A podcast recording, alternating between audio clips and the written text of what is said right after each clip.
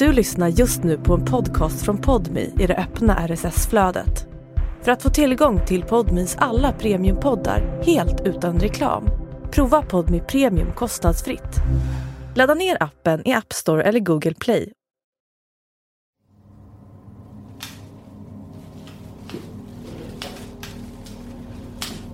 De har ställt en stol eh, liksom framför de här bänkraderna.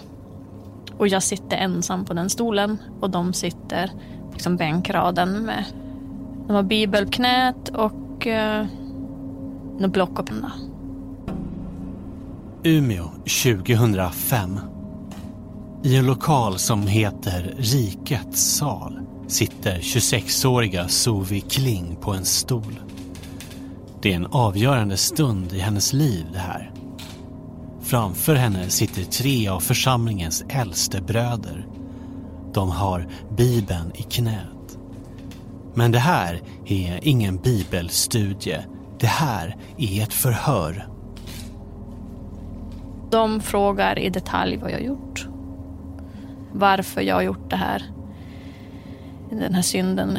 Eh, när har det skett? Hur, hur många gånger har det skett? Utåt sett är Sovi det perfekta Jehovas vittnet. Ett föredöme för andra församlingsmedlemmar. Men bakom fasaden har hon levt på ett helt annat sätt. Hon har syndat, hon har inte levt som hon lär. Jag gråter under hela det här mötet. Jag vet inte riktigt hur lång tid det pågår men det känns som att det är en evighet. Nu är det upp till de tre äldste bröderna i den dömande kommittén att bestämma vad som ska hända med henne. Jag förstår att jag kommer förlora mamma, pappa, syskon, vänner. Och jag känner mig otroligt ensam. Från Banda för Podmi. Det här är Dubbelliv. Jag heter Hugo Lavett. Lovisa Lam Nordenskjöld berättar Sovi Klings historia.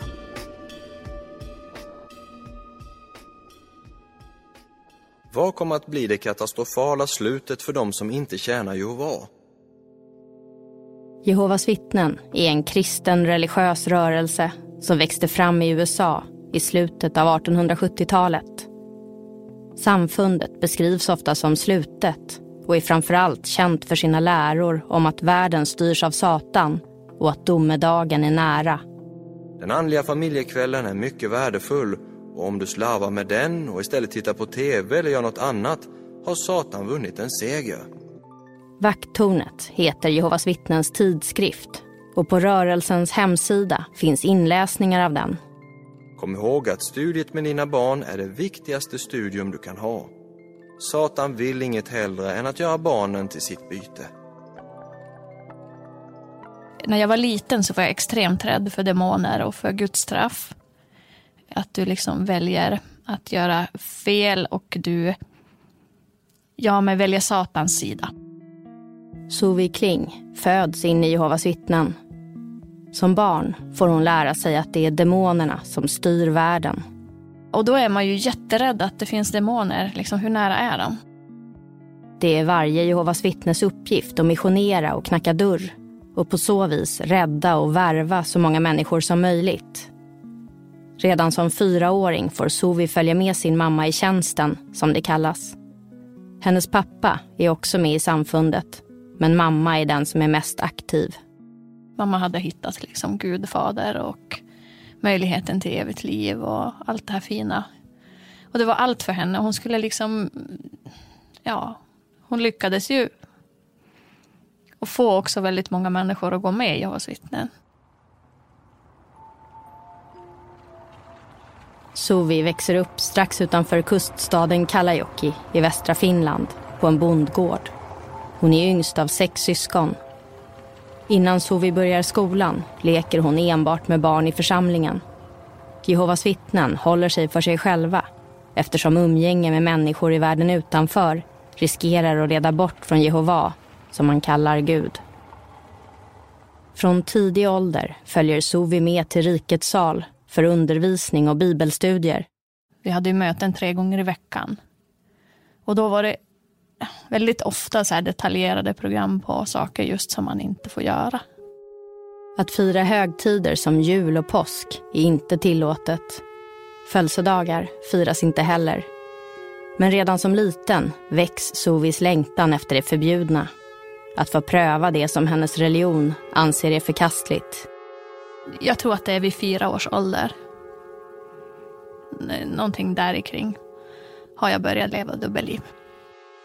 Då, i fyraårsåldern, handlar det om att Sovi vill fira jul. Och jag förstod egentligen kanske inte riktigt eh, varför jag inte fick. Så eh, ja, det fanns liksom ingen inre motivation till att göra rätt. Så att då började jag sno lite julpynt från farmor hem till, hem till mig då. Och så la jag det i min, min skrivbordslåda. Farmor är inte Jehovas vittne och firar traditionell jul. Från henne snor Sovi en julgranskula i form av en glittrande kotte och en bit glitter. Det, det liksom satt jag och tittade på och var alldeles fascinerad. Vad hade hänt om, eh, om din mamma hade upptäckt att du hade det här? Ja, alltså hon hade ju eh, tala om för mig att det var fel. Hon hade kastat det. Så det var ju därför jag gömde det. Um, hon var otroligt tydlig med sånt som man inte fick ha. Eller om man inte fick titta på något speciellt tv-program. Eller om man inte fick lyssna på någon specifik musik eller så. Så jag visste precis.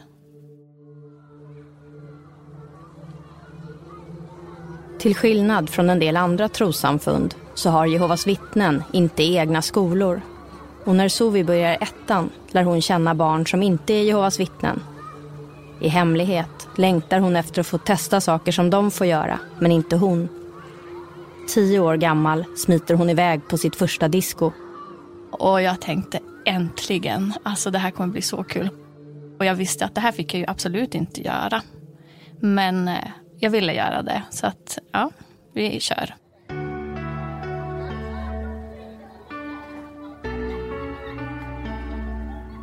Diskot är på ungdomshuset i Kalajoki. Det är fredag kväll och fullt med ungdomar. Så är det en kille också som jag eh, var som jätteintresserad av. Eh, och så fick jag dansa tryckare över han den kvällen. Och... Vi hade skitkul.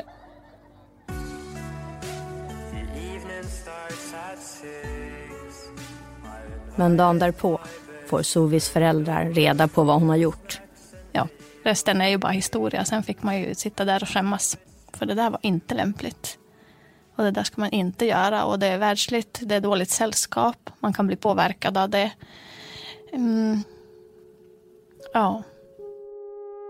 Sovis föräldrar är rädda för att Sovi genom diskot exponerats för människor som inte tillhör Jehovas vittnen och som kommer att leda henne in på fel väg, bort från Gud och församlingen. För Jehovas vittnen är domedagen, Harmageddon, nära. Och bara de som är med i samfundet kommer att räddas. Alla andra kommer att dö. Kommer mina barn att få överleva den här dramatiska dagen? I vakttornsinläsningarna på Jehovas vittnens hemsida varnas det för vad som kan komma att hända. Bibeln försäkrar oss om att de kommer att få göra det om de är andligen levande och starka i förhållande till sin ålder när den dagen kommer. Sovis föräldrar lyckas inte få henne att hålla sig borta från det förbjudna. När hon är tonåring drar den mörka sidan i henne. Hon röker cigaretter och har en hemlig pojkvän på skolan. Något som är helt otänkbart för ett Jehovas vittne. Samtidigt knackar hon dörr för att sprida budskapet och värva nya medlemmar. Och följer med familjen till rikets sal tre gånger i veckan Suvi brottas med skam och skuldkänslor. Hon vill vara ett gott Jehovas vittne. Och när hon inte klarar det skyller hon på sig själv. Vad är det för fel på mig? Alltså vad usel jag är.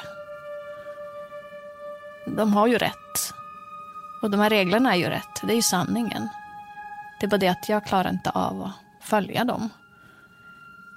Så att de stunderna var jättehemska. Suvi går allt längre i sitt dubbelliv.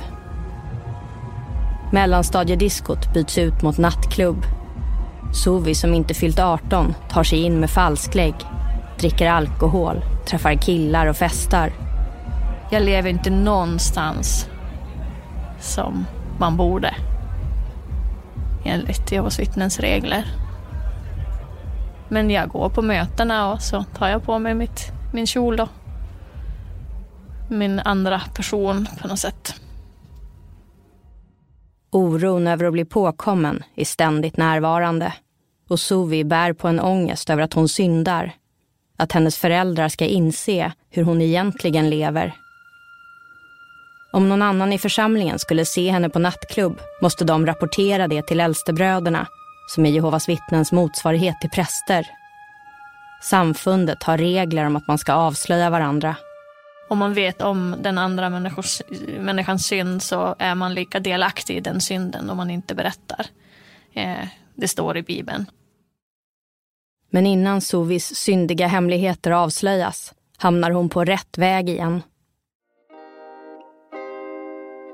Hon har just fyllt 18 när hon blir kär i ett Jehovas vittne. En jämnårig kille som bor i Stockholm.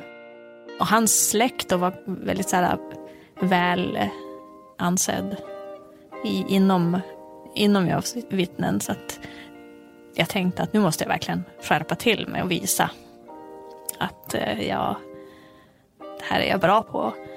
Eh, så jag skulle som städa upp mitt liv lite grann.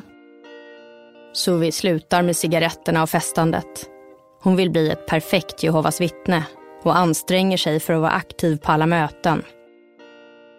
Åtta månader efter att Suvi träffat killen som hon blivit kär i gifter de sig. Och det är egentligen, för vi har ju bråttom i säng.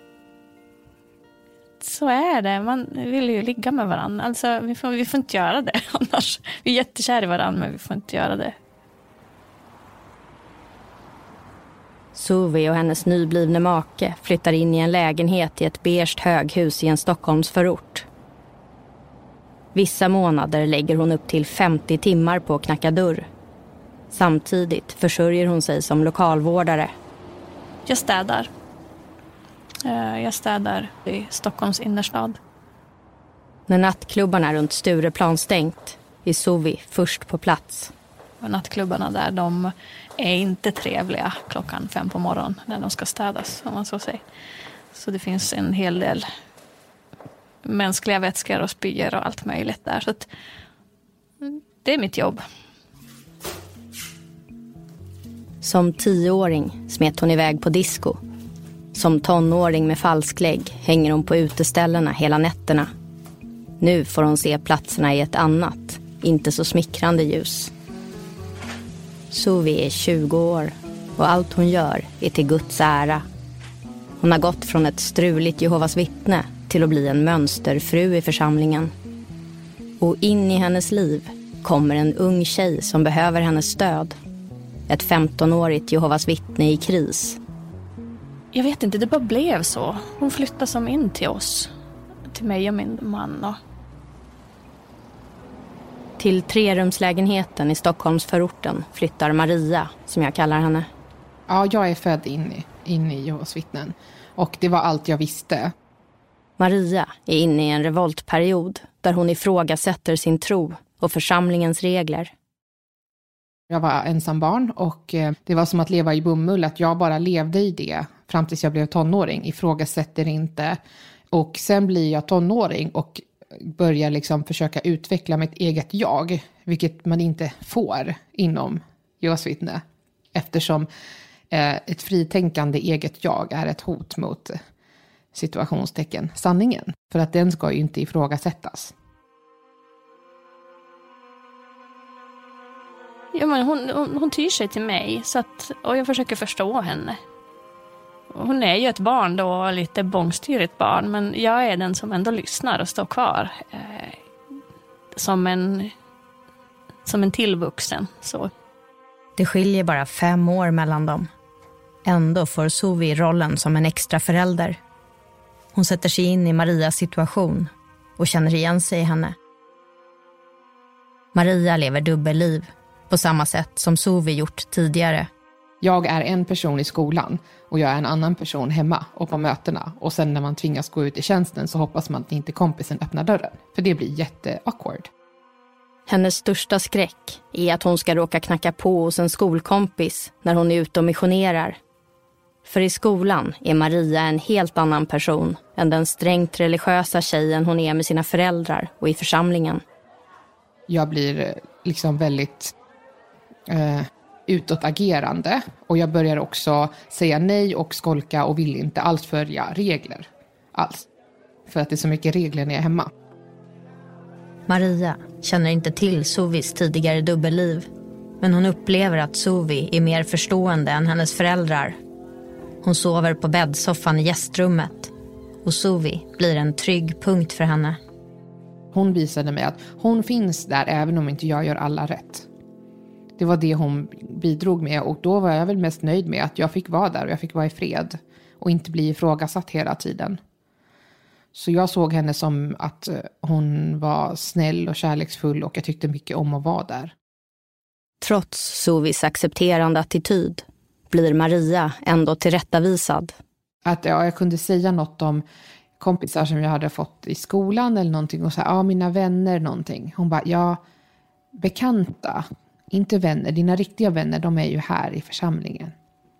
Att man kan hänvisa lite till att man ska separera sig från världen och de i församlingen, att det är viktigt att poängtera. Det minns jag hon sa någon gång när jag sa, referera till andra bekanta som vän, alltså vänner. Liksom. Fast det är inte dina riktiga vänner. Suvi försöker få in Maria på rätt väg genom att vara den stöttande vuxen hon själv saknat under sin uppväxt. Och på Rikets sal tar hon Maria i försvar. Vi kunde åka liksom på möten till Rikets sal och så stannade hon hemma och så fanns det vissa styrande människor i Rikets sal som tyckte att var är hon då? Vad gör hon hos er? Och varför, varför skyddar du den här tösen liksom? Du ska ta hit henne, det är ju bara ett barn. Och jag sa så här, men hon måste ju få vara i lugn och ro, alltså släpp, låt henne vara. Hon mår inget bra, det är inte, det är inte läge. Det är, inte, det är jobbigt hemma och det... Hon, hon trivs hos oss, liksom. låt henne vara. Inför Maria, sin man och församlingen är Suvi ett oklanderligt Jehovas vittne. Men det ingen vet är att hon börjat gå bakom ryggen på sin make för att träffa en annan man.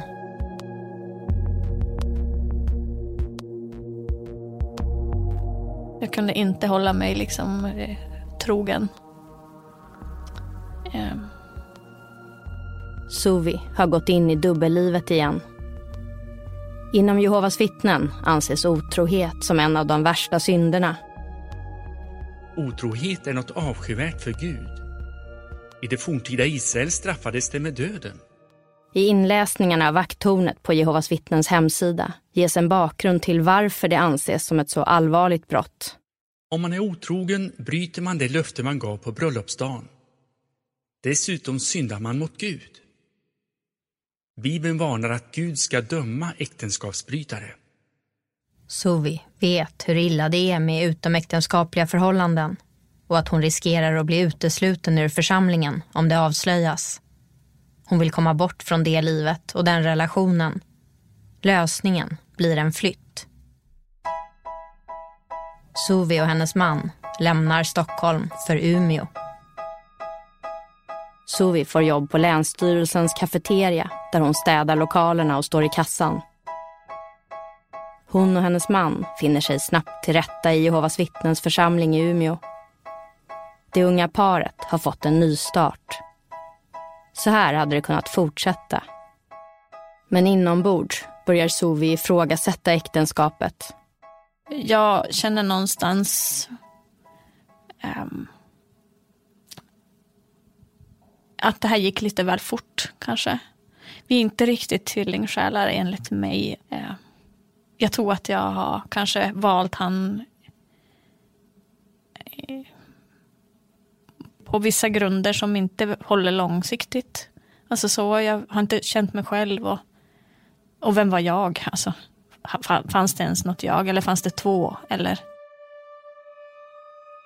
Suvis andra jag blir förälskad i en kollega hon kan inte stå emot. Jag tänker lite så här, det spelar ingen roll. Alltså, det har ju redan gått åt skogen. Så varför inte testa lite till? Och lite till. Och lite till. Eftersom hon redan tidigare varit otrogen är tröskeln lägre den här gången.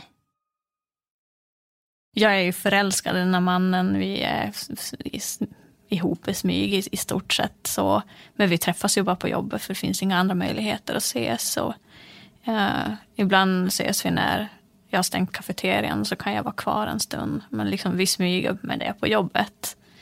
Och sen åker jag hem. Och jag mår ganska dåligt. Uh, jag mår bara dåligt på grund av att jag gör som jag gör. Alltså jag har hemska samvetskval gentemot eh, min man. För att gottgöra otroheten anstränger sig Sovi ännu mer i församlingen. Relationen med mannen på jobbet fortsätter och Sovi mår allt sämre på grund av alla lögner. Hon går till en läkare som konstaterar att hon har blödande magsår. När det har utretts att det inte är på grund av en bakterie jag har fått det så tittar läkaren på mig som på djupet i ögonen och säger att um, vad det nu än är du gör med dig själv som gör att du eh, hamnar i det här läget att du mår så dåligt eh, och det går ut över magen. Vad du än, än gör så måste du sluta med det. För du kommer bli allvarligt sjuk om det här fortsätter. Suvi brottas med samvetskval inför Gud. Hon ser sig själv som förlorad och tänker att hon aldrig kommer kunna gottgöra sina synder. Och jag kan ju inte ens be, för att det är som inte lönt. Alltså vadå, ska jag be för att... Alltså vem är det jag pratar till? Alltså den kopplingen, okej okay, om det finns en gud, den är då stängd för länge sedan. Som jag har hållit på. Um. Gentemot sin man har Suvi så stora samvetskval att hon inte ens kan se honom i ögonen. Situationen är ohållbar och till slut berättar hon för honom. Så fort hon gjort det förväntas hon ringa till församlingens äldstebröder och erkänna. Annars kommer hennes man att vara tvungen att göra det, enligt reglerna. Så jag visste ju att det här kommer fram ändå. Så att eh, då tog jag liksom mod till mig och ringde.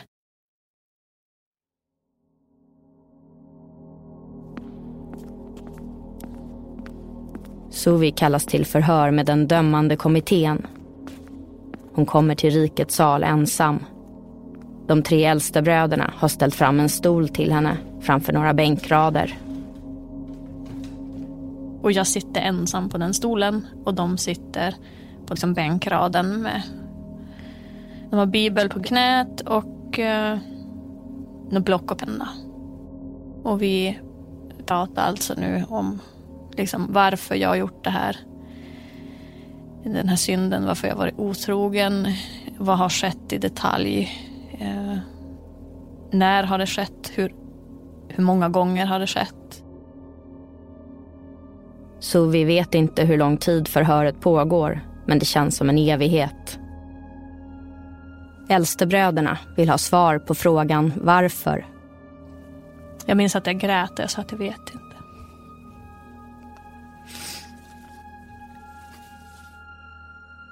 När förhöret är avslutat får Suvi lämna rummet medan äldstebröderna överlägger. Efter en stund blir hon kallad tillbaka. Och då meddelar de eh, som domen. Eh, ja. Och jag går ju i bitar. Alltså jag går sönder. Jag förstår att jag kommer förlora mamma, pappa, syskon, vänner. Um, ja, jag förstår liksom vad följderna kommer bli och jag känner mig otroligt ensam. Suvi har dömts till det hårdaste straffet, uteslutning. Jag blir meddelad att jag har eh, en eh, två veckors tid att eh, liksom överklaga beslutet.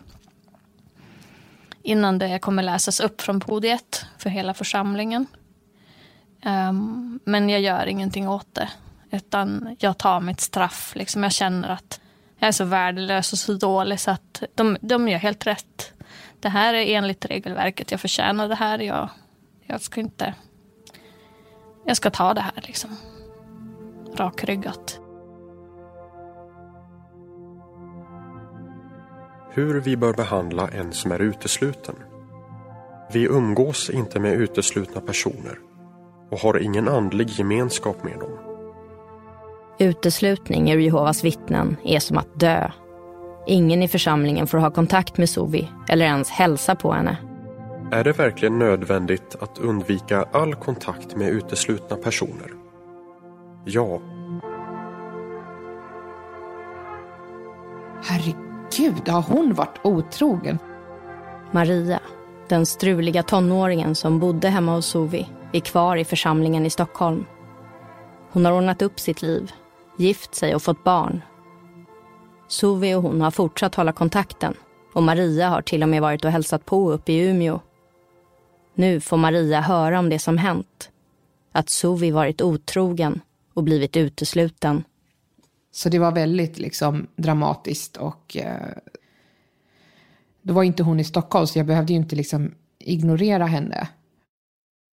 För Maria innebär uteslutningen att hon förlorar en person som stått henne nära. En sorg, fast jag tror inte att jag tog på det så mycket. Ringer du till henne och säger hej då eller? Nej, jag gjorde inte det. Varför inte? Det var bara slut. Det var bara slut. Det finns inget att prata om för att vid det här, när jag får veta det så har det redan hänt och hon är redan utesluten. Så det är redan slut. Suvi är utfryst ur församlingen. Det hon har kvar är sitt jobb på kafeterian med två kollegor och pojkvännen som också arbetar där. Och det är mitt liv liksom. Sen har jag inte så mycket annat. Men jag har ändå ett jobb som jag tycker om, som jag går till. Och jag har jättefina kollegor som, som lyssnar liksom. Men trots allt Suvi gått igenom under sin uteslutning så delar hon fortfarande Jehovas vittnens världsbild. Och både inför sin pojkvän och sina kollegor tar hon religionen i försvar. Det spelar som ingen roll vad mina kollegor säger. Eller vad min pojkvän säger. Jag säger att nej, de har sanningen. Det är deras, alltså jag har gjort fel enligt deras regler. De har rätt. Så att jag har fortfarande inte... Eh, jag är inte alls där. Suvi vill tillbaka in i församlingen. Jag saknar min familj, jag saknar mina vänner, mina syskon. Eh, jag har ju fått nya vänner men jag, har, jag är som rotlös. Så att jag tänker att jag vill ju gå tillbaka till den här församlingen och vara med på papper bara. Samtidigt rör sig Sovis liv i en ny riktning, bort från Jehovas vittnen. Hon slutar på kafeterian och börjar plugga. Head over to Hulu this March where our new shows and movies will keep you streaming all month long. Catch the award-winning movie Poor Things starring Emma Stone, Mark Ruffalo and Willem Dafoe. Check out the new documentary, Freaknik, The Wildest Party Never Told, about the iconic Atlanta Street Party. And don't miss FX's Shogun, a reimagining of the epic tale starring Anna Sawai. So, what are you waiting for? Go stream something new on Hulu. Sidan av jobbar hon extra som karaokevärdinna. Musiken tar allt större plats i hennes liv och hon utbildar sig till DJ. Det är som ett helt nytt liv öppnar sig för mig. Eh, jag får jobba med människor och jag får jobba med musik. Eh, och sen, eh, det är fortfarande så nytt för, för tjejer att DJa, det är så manligt yrke. Så. Lokalpressen skriver artiklar om DJ Suvi och utnämner henne till Umeås okrönta karaoke-drottning. Som barn älskade Suvi att gå på mellanstadiedisco. Som ung vuxen städade hon trapphusen till nattklubbarna på Stureplan. Nu är hon 30 år gammal och själv DJ. Det är hon som fyller dansgolven på alla uteställen i Umeå. Samtidigt kämpar hon för att bli återupptagen i församlingen. Tre gånger i veckan tar hon bussen som stannar utanför rikets sal för att gå på församlingsmöte. Och så hoppar jag av bussen och så ser jag redan att bilar kommer. Eh, jag tittar ner oftast för att inte liksom möta folks blick. Alltså, jag försöker alltid komma så att jag kommer liksom i sista minuten så att jag inte behöver hamna i obekväma situationer med folk. Jag tar med jackan, sätter mig längst bak. Och sen går jag ofta direkt så fort det, det är alltid eh, sång och bön på slutet. Så så fort det, det är liksom amen, då tar jag på mig jackan och så går jag ut. Men alla har ju ändå sett att jag sitter där längst bak. Efter tre år sittandes längst bak i rikets sal skickar hon en ansökan till Jehovas vittnen. Det är i början av 2009. Suvi blir återupptagen och får återigen vara en del av sin familj. Hennes plan är att försöka vara med lite mer på sina egna villkor. Liksom vara lite mindre på mötena, vara lite overksam och sådär. Men det är ju det som inte funkar för de vet ju mitt yrke. De tycker att det är opassande. Jag jobbar alltså inom nattklubb och de säger att där finns alla faror. Eh, det är så här, eh, moraliska eh, frestelser. Eh, alkohol. Och jag säger, men hur kan ni se att det är eh, liksom... Eh, jag, jag dricker aldrig när jag jobbar. Så därmed, jag jobbar alla helger, alla fredagar, lördagar, varenda dansgolv i Umeå. Så jag, jag dricker ju aldrig någonsin en, en droppe liksom. Så det kan ju inte vara dåligt. Men äldstebröderna står på sig. De ringer och smsar. Suvi tolkar det både som en omsorg, men framför allt att de vill markera. Ibland kunde de bara plinga på dörren. Och jag tittade, jag släppte ju inte in. Eh, och till slut så, alltså den ångesten över att jag blir liksom, jag känner mig lite jagad. Um, den blir för stor och jag inser att alltså jag kommer inte kunna eh, liksom både leva det livet jag vill ha och kunna ens vara med på papper i Jehovas vittnens organisation. Det kommer inte funka. De här kommer inte ge sig och jag kommer inte ge mig. Alltså jag, är inte, jag har ju valt min väg. Efter bara ett år som återupptagen i församlingen börjar Suvi formulera sitt utträdesbrev. Hennes öppna dubbelliv går inte heller att leva längre. Men det är ju det här äh, som är svårt att jag vet att när jag lämnar det här brevet och säger hej då till min familj igen. Att då förlorar jag dem igen. Så att det är ju jätte, jätte, jättesvårt. I brevet skriver Suvi bland annat att hon vill slippa den årliga påhälsningen som Jehovas vittnen gör till uteslutna och avhoppare. Jag skriver ganska utförligt. Som ett kvitto. Varsågod. Så här. Alltså jag, jag kände mig ganska arg för första gången i mitt liv. Att jag blev utsatt för det här. Att jag... Jag bär med mig trauman på grund av liksom, den behandlingen jag har fått ta med. Och jag delar inte er människosyn. Eh, och jag, jag, jag, liksom, jag står inte upp för de här värdena. Brevet, som Sovi skickar till församlingen i januari 2010, blir avslutet på hennes liv i Jehovas vittnen. Och än en gång förlorar hon kontakten med sin familj och de vänner som är kvar i samfundet. Så ett liv tar ju slut. Um,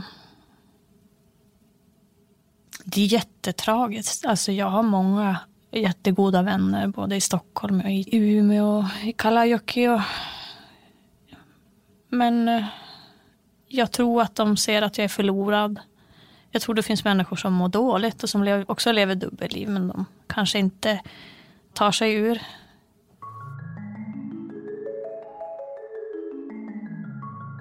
Suvi skapar sig ett nytt liv bortom församlingens kontroll. Hon gifter sig och får barn.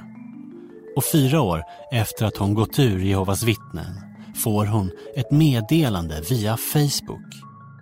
Jag skriver att jag tvivlar och jag vet att du har gått ur och jag vill gå ur. Maria, som hade Sovi som en extra mamma under sina stökiga tonår, har bestämt sig för att lämna Jehovas vittnen. Och eh, hon tar emot mig med öppna armar. Det är som att alla känslor är tillbaks fast på en bättre nivå, för nu är vi båda fria.